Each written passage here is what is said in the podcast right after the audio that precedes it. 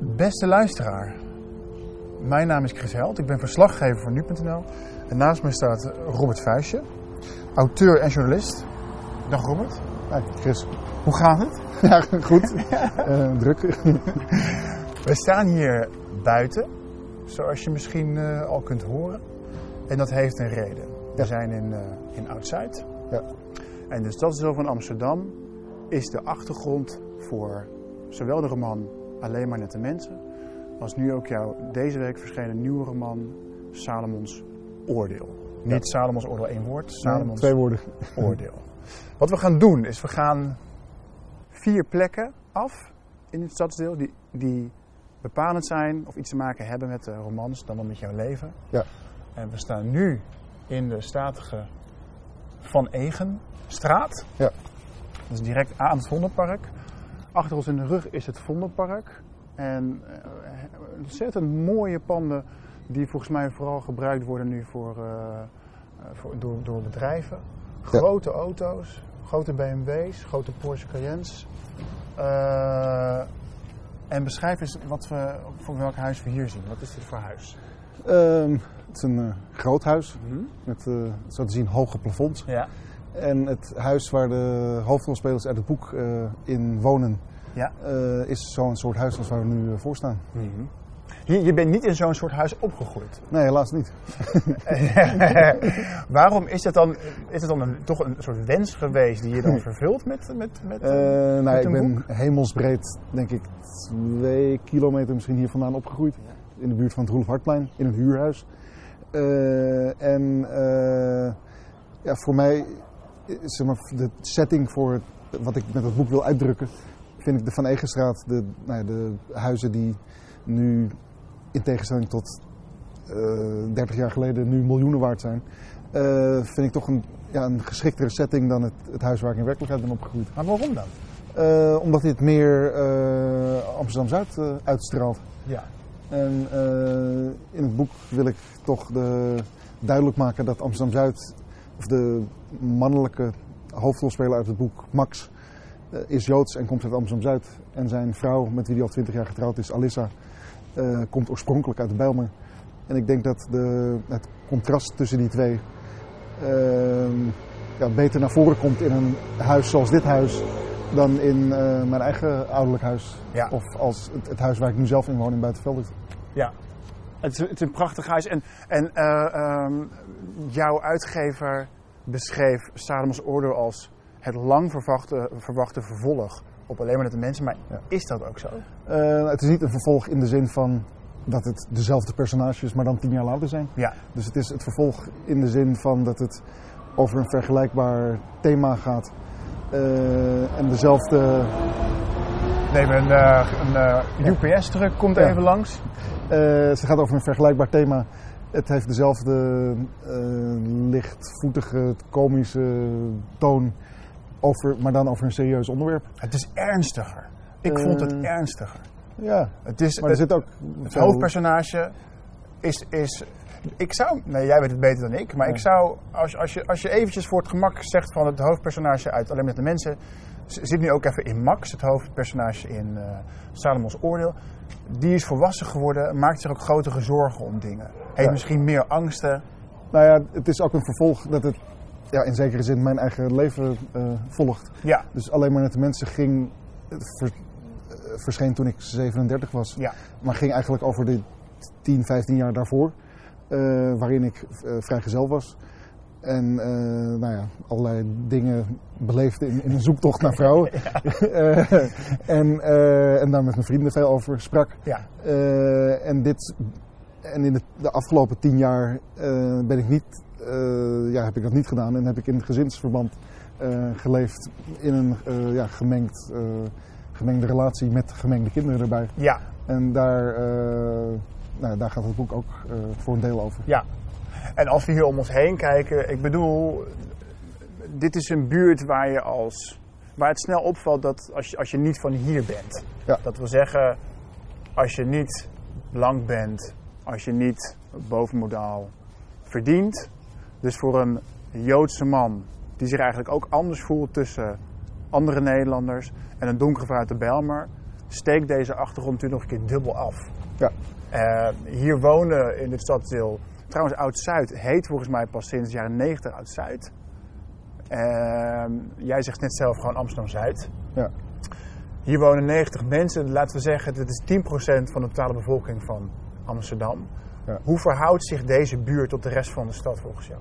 Eh, ja, dat het min- minder eh, gemengd is. Ja, Eh, de rest van de, nou ja, de stadsdelen eh, Oost, West en Noord hebben een hele andere samenstelling dan Zuid.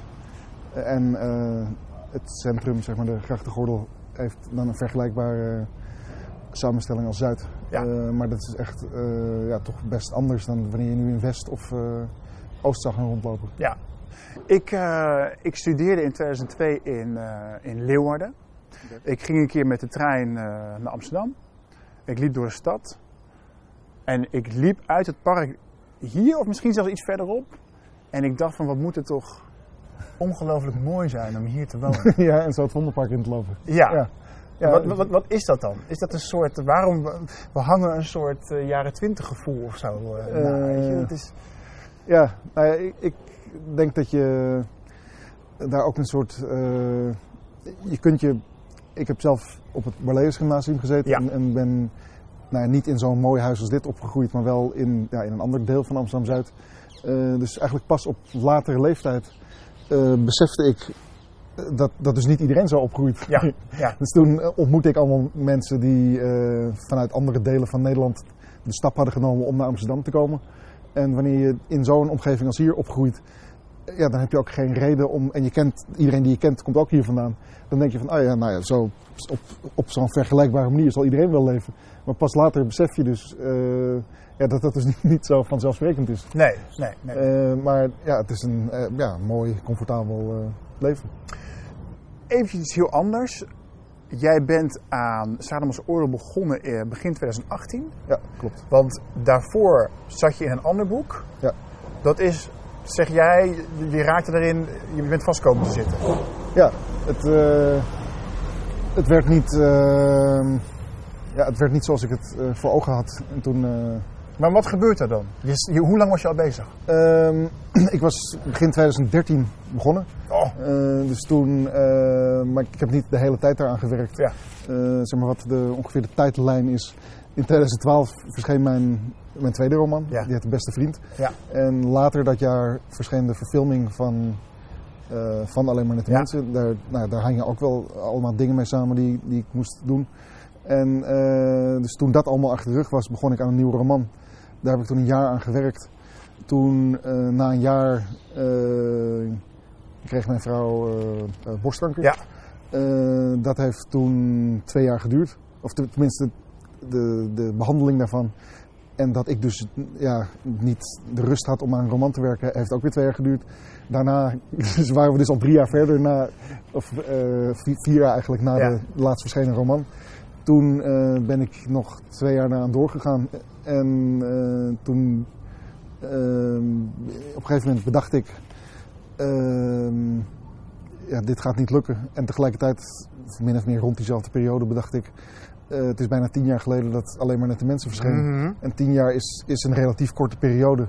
Maar wat het, het thema van het onderwerp betreft, is het bijna een andere, een andere wereld geworden. ja. Dus het is In Nederland bedoel in je? Nederland, ja. Ja. Dus het is nog veel. eh, Waaraan, waaraan merk je dat? We gaan ondertussen, Ja. laten we, heb je iets... eh, eh, als, als je wil, kunnen we even het park inlopen. Ja, dat is goed. Dat is goed. Eh, nou, ja, het is nog veel gevoeliger, overgevoeliger, hysterischer geworden dan, dan het tien jaar geleden was. Wat precies? Nou ja, het hele discours over, over het allesbepalende onderwerp van deze tijd eh, ja, is nog veel emotioneler dan het, dan het toen was. Het onderwerp is, is, Is, nou ja, afkomst. ja, en hoe wij met elkaar, in, elkaar, in Nederland met elkaar samenleven. Ja. Eh, bijvoorbeeld tien jaar geleden was, eh, eh, bestond de Zwarte Pieten discussie be- bestond nog niet. Nee. Dus heel Nederland, eh, afgezien van een, eh, nou ja, een kleine groep die zich natuurlijk daar alles aan stoorde, maar nog niet het podium had bereikt om hun ongenoegen daarover te, eh, te uiten. Ja. Eh, heel Nederland, zonder enige bijgedachte, eh, vierde jaarlijks dit eh, zwart gesminkte feest. Wat nu ja, toch heel anders is geworden. In het taalgebruik zie je het terug. de woorden wit, blank, Ja. neger Ja. hadden tien jaar geleden een, een andere bijbetekenis dan ze, dan ze nu hebben. Ja. Ehm, dus het is, ja, het is nog veel eh, ja, heftiger geworden dan, dan het toen was. Mhm. We lopen nu richting het Vondelpark. Excuses. Ehm, wat, wat ook zo fijn is, dat hier de stoepen gewoon vier keer zo breed zijn als in de rest van de stad. ja. Eh, wat in andere steden gewoon vrij normaal is. Maar Ja. omdat Amsterdam natuurlijk zo hutje-mutje op elkaar zit, kom, dan, dan, dan denk je van, als je hier komt, wat een ruimte, wat een luxe. Ja. Ik vind het wel, eh, ik vind het wel lekker. Ehm, dit park komt ook voor in Salomons oordeel. Ja. Ook wel in een, eh, in een vrij vroeg eh, eh, moment al. Dat ze een telefoontje krijgen, de ouders van Salomon. En dat Salomon in de gevangenis zitten. Ehm, wat zit er verder achter in, deze locatie voor jou? Ehm, nou ja, dat ik hier vaak als kind, toen ik hier in de buurt woonde, vaak geweest ben. Ja, En dat het eh, ja, in mijn beleving wel een, eh, ja, een soort, eh, hoe zeg je dat? Een, een vaste plek in Amsterdam is die, Mhm. die iedereen kent. ja, En die een zekere, zeker als je daar dus grenzend aan het Vondelpark woont, ja, dan weet je, is meteen duidelijk wat voor soort milieu dat is. elite eigenlijk. Ja, nou ja, de, de, wat het verhaal is in het boek is dat eh, Max, de, de Joodse man, eh, de Joodse vader van Salomon, eh, zoals ik in, zeg maar, toen ik zelf jonger was, kende ik een aantal mensen die hier ook in de buurt woonden. En dan was het, sommige daarvan hadden het geluk dat hun ouders destijds dat huis hadden gekocht voor niet heel veel geld. Ja, En dat geldt dus ook voor de vader van Max. En hier, wanneer je dus 30, 30, 40 jaar geleden hier een huis kocht, was dat niet, ja gewoon, je kocht een huis, dat kostte niet heel veel. En nu ineens, eh, wanneer je al die tijd dat huis niet verkocht hebt, is het, zit je dus ineens op, op 3, 4 miljoen euro. Eh, en denkt iedereen, eh, oh dat, dat zijn hele rijke mensen. ja, en, in het, en in het geval van Max is hij- zowel hij als zijn vader zijn ook nog Joods. Dus dan draagt dat bij aan het beeld van, oh, die, die zijn rijk. Eh, terwijl het in, ja, in werkelijkheid heeft eh, zijn vader ooit een, een klein erfenisje gehad. Eh, en, en heeft toen ja, gewoon een huis gekocht. En, nou ja, en dat is waar dus zowel de vader van Max als Max met zijn eigen gezin ja. in dat hele pand kunnen wonen. Maar zodra je het pand niet verkoopt, heb je natuurlijk ook niet dat geld. Dat is een beetje de denkfout die mensen maken. Ja, nee, je kunt het geld incasseren. Alleen waar ga je dan wonen? Precies, precies. Niet, ja. Maar deze buurt heeft ook wel een, een verandering doorgemaakt. Hè? Ik bedoel, dat, zijn niet meer, dat zijn niet meer de mensen van, van die hier nog, weet ik veel, jaren 90 nog leefden. Nee. Eh, een beetje oud geld. eh, dat zijn veel nieuwe rijken. Is dat een positieve ontwikkeling, denk je, of niet? Nou ja, voor iemand zoals ik die zijn hele leven in Amsterdam woont, eh, is dat niet een positieve ontwikkeling. Nee. Dus in, zeg maar, in mijn jeugd kende ik ook eh, nou ja, vriendjes of vriendinnetjes die hier in de buurt woonden. En dat waren niet, ja, dat waren toen eh, in mijn ogen ja, gewoon normale mensen met gewoon normale banen. eh, met een redelijk modaal inkomen. En niet, ja, en niet miljonairs. Nee. Nee. En in diezelfde huizen wonen nu, ja, is, kun je nu niet wonen tenzij je dus of al 50 jaar het huis in, in je familie hebt, ja, of, of je een miljonair bent. ja. Ja, en die nieuwe soort bewoner heb jij in je boek gemanifesteerd door het personage Lior. ja, Dat is een, eh een eh Irakese Jood. Ja.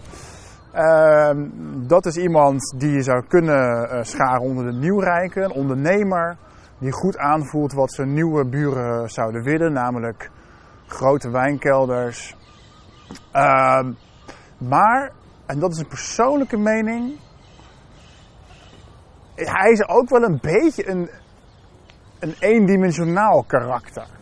Is dat, is dat bewust? ja, nou ja, dit is een, een, bij, een bijkarakter. Ja, oké. eh, en die vooral in dienst staat van hoe Max en Alissa op, op hem reageren. Ja. En op zijn dochter met name. Ja, ja, ja. Eh, dus niet, ja, je kunt niet. Het boek draait eigenlijk om Max, de vader, Alissa, de moeder en hun zoon Salomon. Ja. En dan zijn er nog een aantal bijpersonages in het boek, maar het draait echt om de, eh, de verhouding tussen deze, deze twee ouders en hun kind. En Ja. hoe, hoe anders zij eh, ja, uiteindelijk naar het kind blijken te kijken. Ja. Is dan, als hier eh, bij alleen maar net de mensen, kwam die verfilming. Dat heeft, dat heeft, eh, dat was van positieve invloed op jou, neem ik aan, als schrijver. Of vergis ik me dan? Eh, ja, ja, toen vond ik het eh, ja, natuurlijk leuk als je boek wordt gefilmd. Dat is zes jaar geleden. Eh, 2012, zeven jaar geleden? zeven, ja. Hoe kijk je daarop terug? Vind je het een goede film? Ehm, nee, geeft het. Wil bijna vragen, heeft het tand destijds doorstaan, die zeven jaar? Nee, Cinematografisch. Eh, nee. Eh, dat is een, eh, die film is in mijn ogen een voorbeeld van wat er in, de, dus in een relatief korte tijd.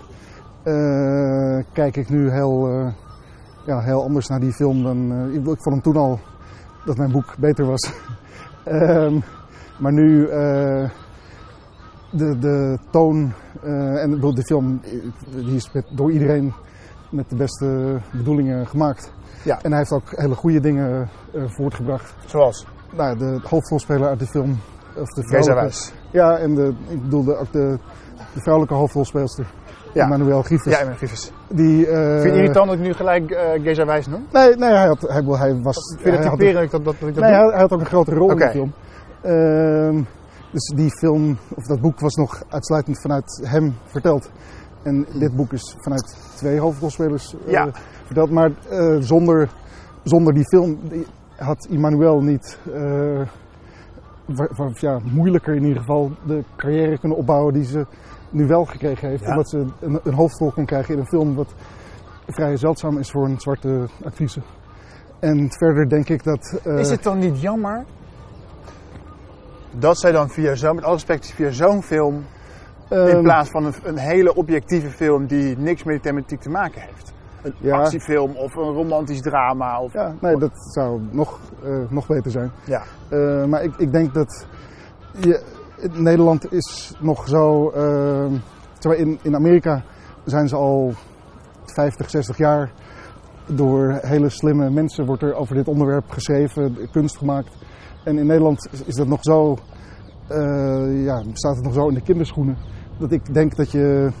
Zeg maar, de, een van de eerste films die over dit onderwerp wordt gemaakt in Nederland. Als dat meteen al een hele volwassen film zou zijn, dat, zo zit de wereld niet in elkaar.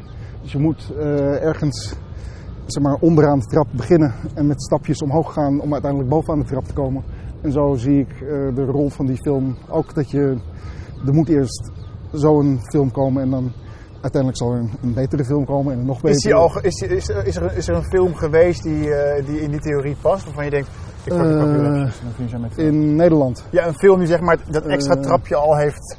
Ik vond Wolf vond ik een, Ja. vond ik een hele goede film.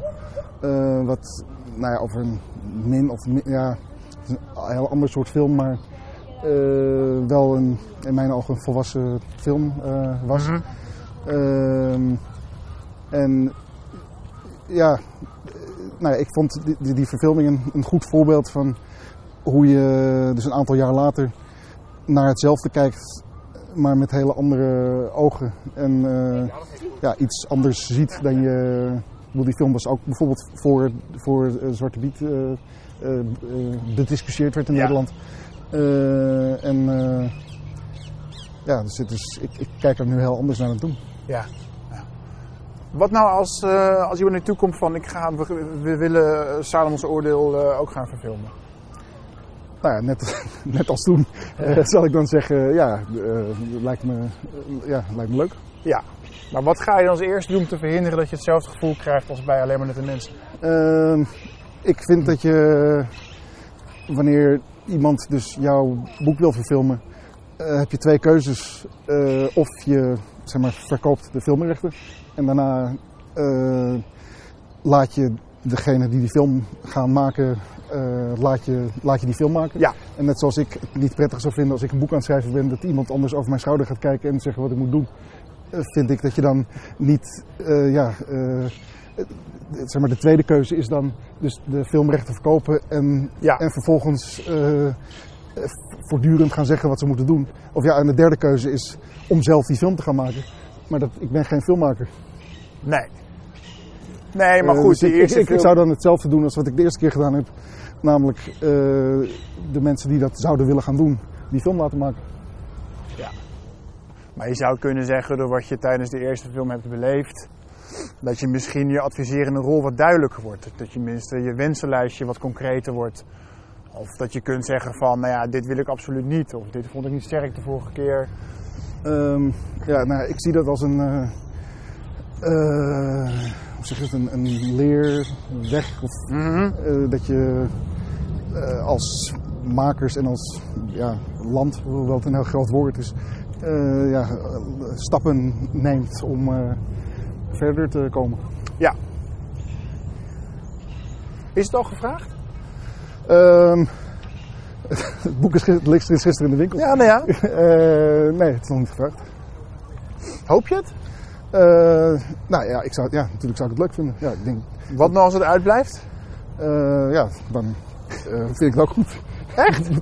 nou ja, ja ik, het is niet mijn, mijn rol op aarde om te, te eisen dat van ieder boek wat ik schrijf, dat daar een verfilming van moet komen. Het gaat mij ja, vooral om het boek wat ik wil schrijven. En dat boek is precies en wat, wat, zeg maar, wat geldt voor de verfilming van Alleen maar de mensen geldt. eh, zeg maar, het boek heb ik zelf geschreven. Ja. En is nog steeds precies zoals ik het in die tijd had willen schrijven. Ja. Eh, dus het gaat mij om een boek waarin, waarin ik de, het verhaal wat ik wil vertellen precies zo kan arrangeren zoals, zoals ik dat wil. En dat is mijn eerste eh, doel. En niet om, bedoel, als, je dat, als ik dat zou willen, zou ik filmscenario's gaan schrijven. Ja. En dan, eh, ja, dan eh, is de, eh, de bedoeling dat het een film wordt. En nu is de bedoeling dat dit een goed boek is geworden. Vind je het een goed boek geworden? Ja. Waarom? Ehm, omdat het ja, in mijn ogen heel duidelijk gaat over hoe wij nu in dit land met elkaar samenleven. En het wordt, dat serieuze onderwerp wordt op een ja, eh, lichte, humoristische, voor het grote deel humoristische eh, manier verteld. Ja. Tegelijkertijd wordt het, eh, zijn er ook hele serieuze zaken die ja, worden beschreven. Ja. En, en het is hopelijk ook gelukt dat het een, ja, een ontroerend familieverhaal is. En het is ook het verhaal van een Joodse man die zich, eh, zoals eerder gezegd, anders voelt tussen de gemiddelde Nederlander, maar misschien niet echt dat duidelijk uitstraalt. Die persoon kampt er eigenlijk mee dat hij niet uitstraalt dat hij wel degelijk anders is dan mensen vermoeden. En hij wil dat misschien ook wel uitdragen, maar dat lukt niet. Hij heeft bijvoorbeeld zwart haar. Waarvan mensen denken van, hé, hey, dat is geen, geen jongen uit Friesland. En eh, eh, dat, is, dat is voor hem een soort kenmerk dat hij ook koestert. Toch? Ja. Hij is daarmee anders. Het is een soort asset. Het is een soort... eh, Nou ja, ik denk dat wanneer je. ehm, eh, zeg maar, mijn eigen moeder komt niet uit, uit Nederland. Nee. Maar mijn vader wel. hm? En zijn nou ja, familie ook. En toen ik eh, opgroeide, de, zijn, zijn familieleden, dus zijn, zijn vader en de, dus mijn opa en de broers daarvan, eh, praten, eh, nou ja, praten nogal veel over wat hun overkomen was in de Tweede Wereldoorlog. Tweede Wereldoorlog. En daardoor had ik ja, sinds. Dat is trouwens, sorry, sorry ik onderbreek, dat is, dat is toch best uniek, toch? Want je hoort eigenlijk dat, dat, dat Joodse mensen vaak zwijgen over hun ja, oorlogsverleden. Dat, mijn, op, mijn opa die zweeg erover. Maar hij had toevallig zeg maar, maar liefst drie broers die het ook hadden overleefd. Dus zeg maar, de, ongeveer de helft van het hele gezin. Wat in Nederland een nogal hoge score is. Omdat eh, ongeveer in totaal 80% van de Joden het niet overleefd hadden. Dus dan is 50% een, een hoge, relatief hoge score. Ja. Eh, en toevallig waren die drie broers en met name ook één echtgenote van die broers eh, ja, die, die praten er juist heel veel over. Ja, ja, ja. Dus eh, zeg maar, zoals ik het gezien heb, heb je twee varianten. Dus of mensen die, er, die het voor wie te pijnlijk is om over te praten. Of mensen die daarop reageren door dus over niets anders te praten. Ja. En eh, dat maakte op mij als kind natuurlijk eh, grote indruk. En eh, daar, ik, ja, ik vind de, dus de positie van eh, Joden eh, interessant, omdat we enerzijds zeg maar, dezelfde, nou ja, dezelfde huidskleur hebben en dezelfde soort. Ik heb een Nederlandse achternaam. Ja, Eh, dus Caucasisch. ja, Ja. dus dat je niet, nou ja, bij mijn vrouw of bij mijn jongste zoon zie je meteen dat die, die hebben een andere huidskleur. Ja. Dus dat is meteen duidelijk. En dus wij zitten er ja, in zekere zin een beetje tussenin dat we enerzijds gewoon erbij horen. Ja. Maar anderzijds door, door wat er nou ja, gebeurd is in Nederland. eh, toen is het wel heel eh bruut duidelijk geworden dat als het erop aankomt dat we er dus niet bij horen. En dat gevoel, Precies. 1940, 45 heb je, dan, heb je het dan over, inderdaad. Ja. en dat gevoel ja, heb ik nu natuurlijk. En ja, de meeste andere Joden die ik ken, die zijn, niet- ja, zijn niet vergeten als het erop aankomt. Is dit dus wat er, wat er met ons gebeurt hier? Ja, we lopen nu eh, langs een, eh, een, een pand, een hotelpand dat gerenoveerd wordt. Ehm, ik ben daar wel gevoelig voor, omdat het vooral in zo'n statige buurt, eh, heel erg leunt op zijn verleden, er is verandering aan de gang. Weet je, dingen worden, worden opgeschoond, veranderd. Oude objecten uit het verleden worden weggehaald. En dan zie ik toch een parallel met eh, bepaalde VOC-standbeelden, waarvan nu voor bewustwording wordt gegeerd, moeten die beelden niet weg? Eh, en, en dan weer mensen zeggen van ja, maar als die beelden weg zijn, dan herinneren we ons helemaal niet meer aan die tijd. Ehm, ja, ik vind dat dus een, een, ja, een lastig dilemma. Ja. eh, of je dat wel of niet moet weghalen. Eh, in principe zou ik zeggen, je moet het laten staan, maar dan met een duidelijke toelichting Ja. eh, wie dit was. En dat het niet bedoeld is om, om die persoon te vereren. Ja. Eh, maar ja, wat dus niet klopt aan deze redenering is dat een, een straatnaam of een standbeeld eh, ja, eigenlijk bijna per definitie wel een soort eerbetoon is. Dus dan zou je eh, ja, eigenlijk ervoor moeten kiezen om het, dus de straatnaam te veranderen of het standbeeld neer te halen. En dat, ja, ik, dat vind ik, ja, daarvan weet ik ook niet of, of dat nou de, de juiste oplossing is. Dus ik, heb, ik heb hier niet een, ja, een pasklaar antwoord op. Nee. Kijk, er zitten mensen in een, eh, En voor het in een erkertje Ja. aan tafel. Wat voor mensen zou dat zijn, denk je? Ik denk mensen Die wonen hier al een tijdje. Ja, dat gevoel heb ik wel, ja. Maar Ze ik, kijken uit op het Vondelpark. ik weet wel dat ik heel graag mijn werkplek voor dat raam, voor dat raam Ja, zou willen waarom hebben. wil je dat? nou ja, omdat het een heel mooi, eh, ja, mooi uitzicht is natuurlijk. Ja, maar je ziet steeds hetzelfde. Je ziet het stond Ja, hetzelfde het meertje. Dat kunt Nou, een ja, soort... in de winter ziet het hier al, of in de zomer ziet het hier al anders uit dan in de winter. In de zomer heb je ook heel veel overlast, denk ik. Ja. Van, Eh, eh, nou, ik, ik, zit, ik werk dus ook voor het raam, maar dan kijk ik uit op een, ja, op een achtertuin. In, Ja. maar ik, ja, ik vind het een mooie, mooie plek. Je zegt net, je vindt het over die VOC-beelden vind je het moeilijk om daar zeg maar, een duidelijke stelling in te nemen. Eh, Vat ik het zo goed samen? Ja, ja, ja. Blijf trouwens hier weer door het eh, park gaan, is wat rustiger. Ja. Even het zandweggetje op. Ehm, maar is het niet lastig om vooral in, in, in eh, ik noem het even voor het gemak, migratiedebatten of immigratiedebatten, dan word je toch al vrij snel gedwongen om een positie in te nemen, toch? Want mensen willen altijd weten, waar sta je? Ja. Ben je links, ben je rechts? Ehm, eh, dat vind ik dus een beetje eh, nou ja, een van de redenen waarom ik dit boek eh, op deze manier geschreven heb. Ja? Is dat ik, wat ik de afgelopen, nou ja, een van de andere dingen die ik in de afgelopen tien jaar zag, is dat er eh, je ziet, zeg maar, in het debat wordt erop aangestuurd. Je hebt aan de ene kant een hele extreme en luidruchtige rechterzijde Ja. van het debat. En, aan de, nou ja, en daartegenover kun je dan heel makkelijk zetten de extreme luidruchtige linkerkant. Eh, en dan lijkt het alsof dat, dat, dat is dan het debat. Maar de, de werkelijkheid eh, is natuurlijk veel ingewikkelder Ja. en, en gelaagder. En Eh, en in dat boek probeer ik te beschrijven hoe, ja, hoe je, je hebt één hoofdpersoon die eh, nou ja, Joods is en zich de hele tijd bezighoudt met antiracisme. Je hebt een andere eh, hoofdpersoon die zwart is, maar hier eigenlijk ja, eh, Zich niet gedwongen voelt daaraan Ja, deel te nemen. ja. Puur alleen op basis van een huids, huidskleur. En dan, eh, nou ja, waar het hele boek dus naartoe werkt, naar de climax, wanneer hun zoon eh, gearresteerd wordt. En, eh, en zij dus in een politiecel staan en samen naar hetzelfde kijken, namelijk naar hun zoon. Ja. En ze kijken naar hetzelfde, alleen zien ze allebei iets anders. Ja, ja, ja. en dan, ja, ja, ja. eh, maar wat ze dan zien is dus heel anders dan wat er in het boek eh, daaraan allemaal vooraf ging. ja. Dus er is een heel groot verschil tussen ehm, zeg maar theoretische discussies en spelletjes met woorden. Vaak ook de laatste tijd ook veel Ja. Amerikaanse woorden.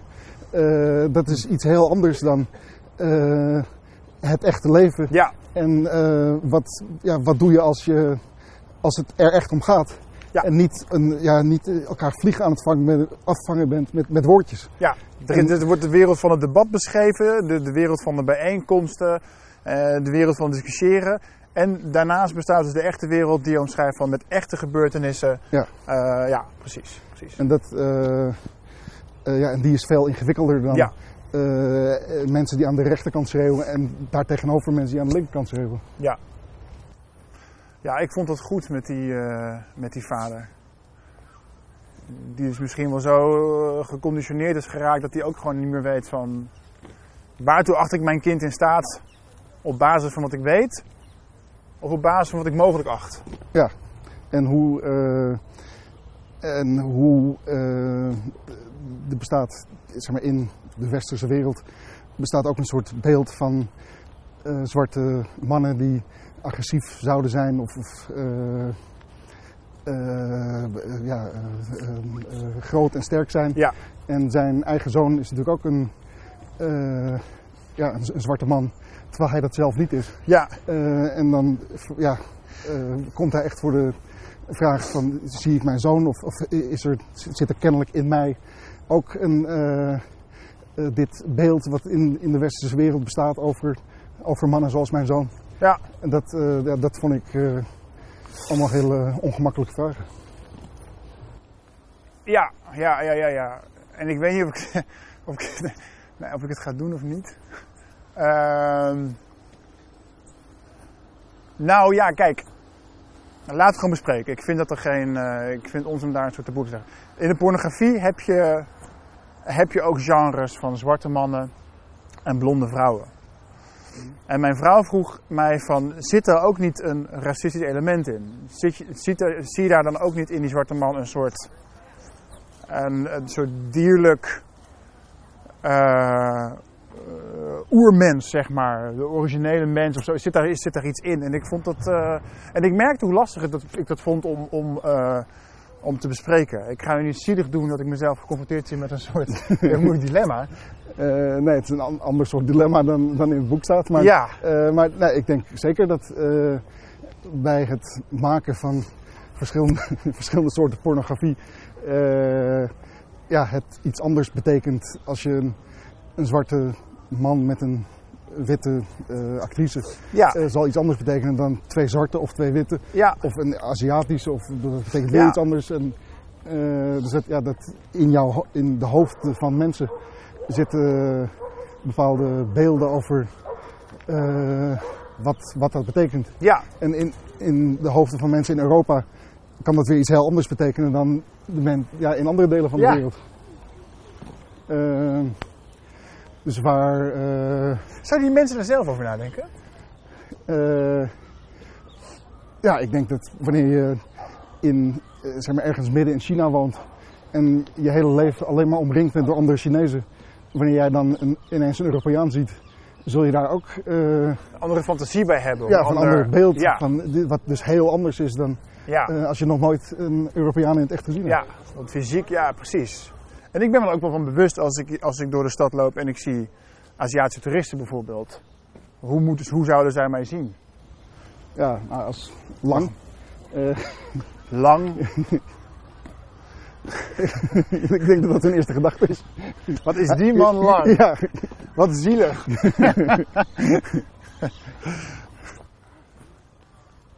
ah, een hondenuitlaatservice. Ja. Ik vind het trouwens knap, want volgens mij zijn het allemaal vreemde honden. Ik zie die man wel vaker. oké. En ze luisteren wel allemaal naar hem. Nou, dat doet hij goed. Ja, of hij heeft zes grote honden en heeft heel veel vrije tijd. Dat ik me kan voorstellen. Ja. Nou, het streven om de vier plekken op te zoeken, ehm, dat is een beetje spaak gelopen. Waarvoor mijn excuses aan, aan de luisteraar en aan jou. Maar één plek uit het boek eh, is, is een speeltuin. Ja. Eh, kun je uitleggen wat daar, eh, wat daar gebeurde? Ehm, dat is aan het, redelijk aan het begin van het boek. En dan staat Max. Schoonmaakdienst.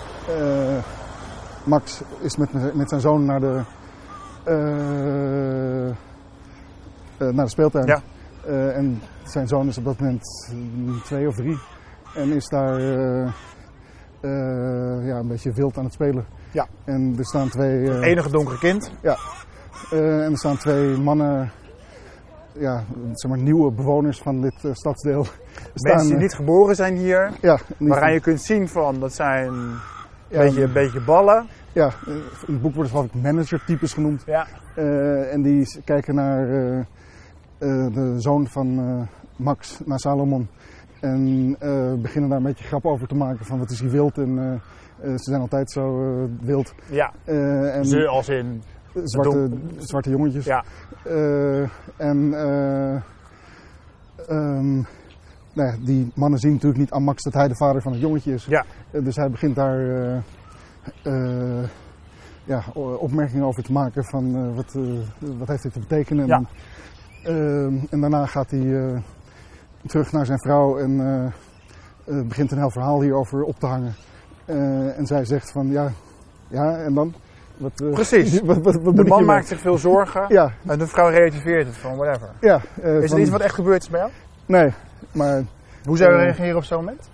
ehm, nou ja, ik zou ook zeggen van ik, ik ben zijn vader, wat, wat zijn die voor, wat, wat, wat ben je voor rare dingen aan het zeggen? Ja, Eh, maar de, de bedoeling van die scène was om nou ja, de eh, verhouding tussen Max en Alissa te schetsen. Dat hij zich heel erg gedurende het boek steeds meer begint op te winden over dit soort dingen. ja. En dat zij zegt van ja, ik, ik ken die twee mannen niet. Waarom moet ik me opwinden over twee wildvreemde mensen die, waar ik nooit meer iets mee te maken zal hebben? ja, maar daar ligt ook wel iets besloten van eh, mensen die een mening over jou hebben, maar jou niet kennen. Eh, dat is natuurlijk de vraag in hoeverre moet je die kritiek aantrekken. En dat kan je heel breed trekken. Als bijvoorbeeld mensen over een hele bevolkingsgroep iets zeggen, zonder die groep echt te kennen, hoe valide is dan hun, hun mening eigenlijk? Eh, niet, maar eh, de, geschied- de geschiedenis heeft uitgewezen dat dat, dat, dat, dat, tot, tot gevaarlijke dingen kan leiden. Ja, ja, ja, ja. Ja, ja dat zeg je wat. Ja, het is tamelijk ingewikkeld. En trouwens niet alleen in Europa, maar ook in alle andere delen van de wereld waar mensen elkaar indelen in eh, jij bent net even anders dan ik en dat betekent, eh, eh, ja, dat betekent dat ik beter ben dan jij. Of, was trouwens helemaal niet mijn, mijn bedoeling om, om over zulke zware thema's te praten.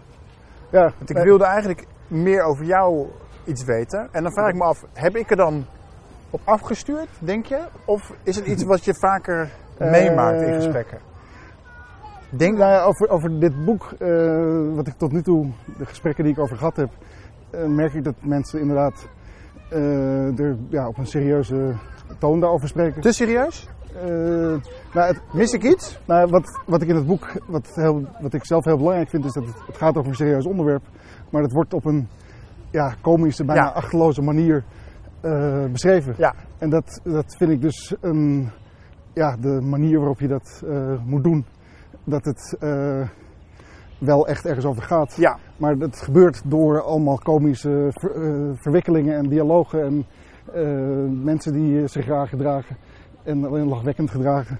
Eh, en eh, ja, dat, ehm, ja, ik merk wel dat het leidt tot serieuze gesprekken, maar zo, zo serieus is het boek dus eh, ja, het gaat wel over iets serieus, maar het is ook grappig. Merk jij eh, als mensen jou bij een buurtborrel aanspreken of op een feestje, merk je dan soms dat ze bepaalde onderwerpen in een gesprek gooien om dan dichter bij jou te komen? Dat ze, dat ze een soort. Eh, Dat ze denken van dan zal die wel. Dan zal je het Eh. gevoel hebben dat ik hem respecteer of zoiets. Of, ja, een, een beetje, ja. soms. Eh, Is het irritant? eh, nee, ik, bedoel, ik, ik bedoel, ik schrijf veel over dit onderwerp, dus dan is het ook logisch dat mensen daarover eh, tegen mij praten. En ja, wat mij eigenlijk verbaast is, zeg maar, voor mij is het zo duidelijk dat dit, dit het onderwerp van deze tijd is. Dat het ja, bijna niet anders kon dat, dat ik daar een roman over moest, moest gaan schrijven. En wat mij meer verbaast is dat al die anderen niet, niet, niet ook daarover schrijven. Het Nee, ja, romanschrijvers. ik- kijk, dit is, jij zat van de week, of deze week bij Jinek. Ja. En daar gebeurde eigenlijk iets soortgelijks. Eh Ali B. eh, zei van. De, de achtergronden van mensen in Nederland raken zo met elkaar vermengd. Dat gaat zo gestroomlijnd. En Ja. toen zei hij op een gegeven moment voor de gein tegen jou. Jouw boek is helemaal niet relevant. Ja, dat, En ik zag dat je even schrok. nou ja, eh, dat is Je sprong niet op en zei van ho ho ho. Nou, ik zei daarna, ja, dan is het opmerkelijk dat iedere voorpagina van iedere krant over dit, iedere dag over dit thema gaat. En dat iedere verkiezing in Nederland over dit thema gaat. Maar wat ik, ja, Maar verbaas je dat, dat, nou, dat wat ik, dat wat zegt? ik, eh, je denkt natuurlijk, of tenminste ik bedenk pas later wat ik had moeten zeggen. Er zaten daar twee miljonairs, eh, twee rijke, beroemde mensen. Die, en Anouk, eh, die Ja. ernaast zat, vertelde dan, ja, mijn kinderen zitten op een internationale school. Dus die merken er niet veel van. Dat betekent dus dat eh, haar kinderen zitten op een peperdure internationale school tussen andere rijke luiskinderen. Dus dan ben je in feite ja, buiten de maatschappij ge, Nee, geplaatst. ja, maar ze zei ook, er zijn wel vijf nationaliteiten op die school.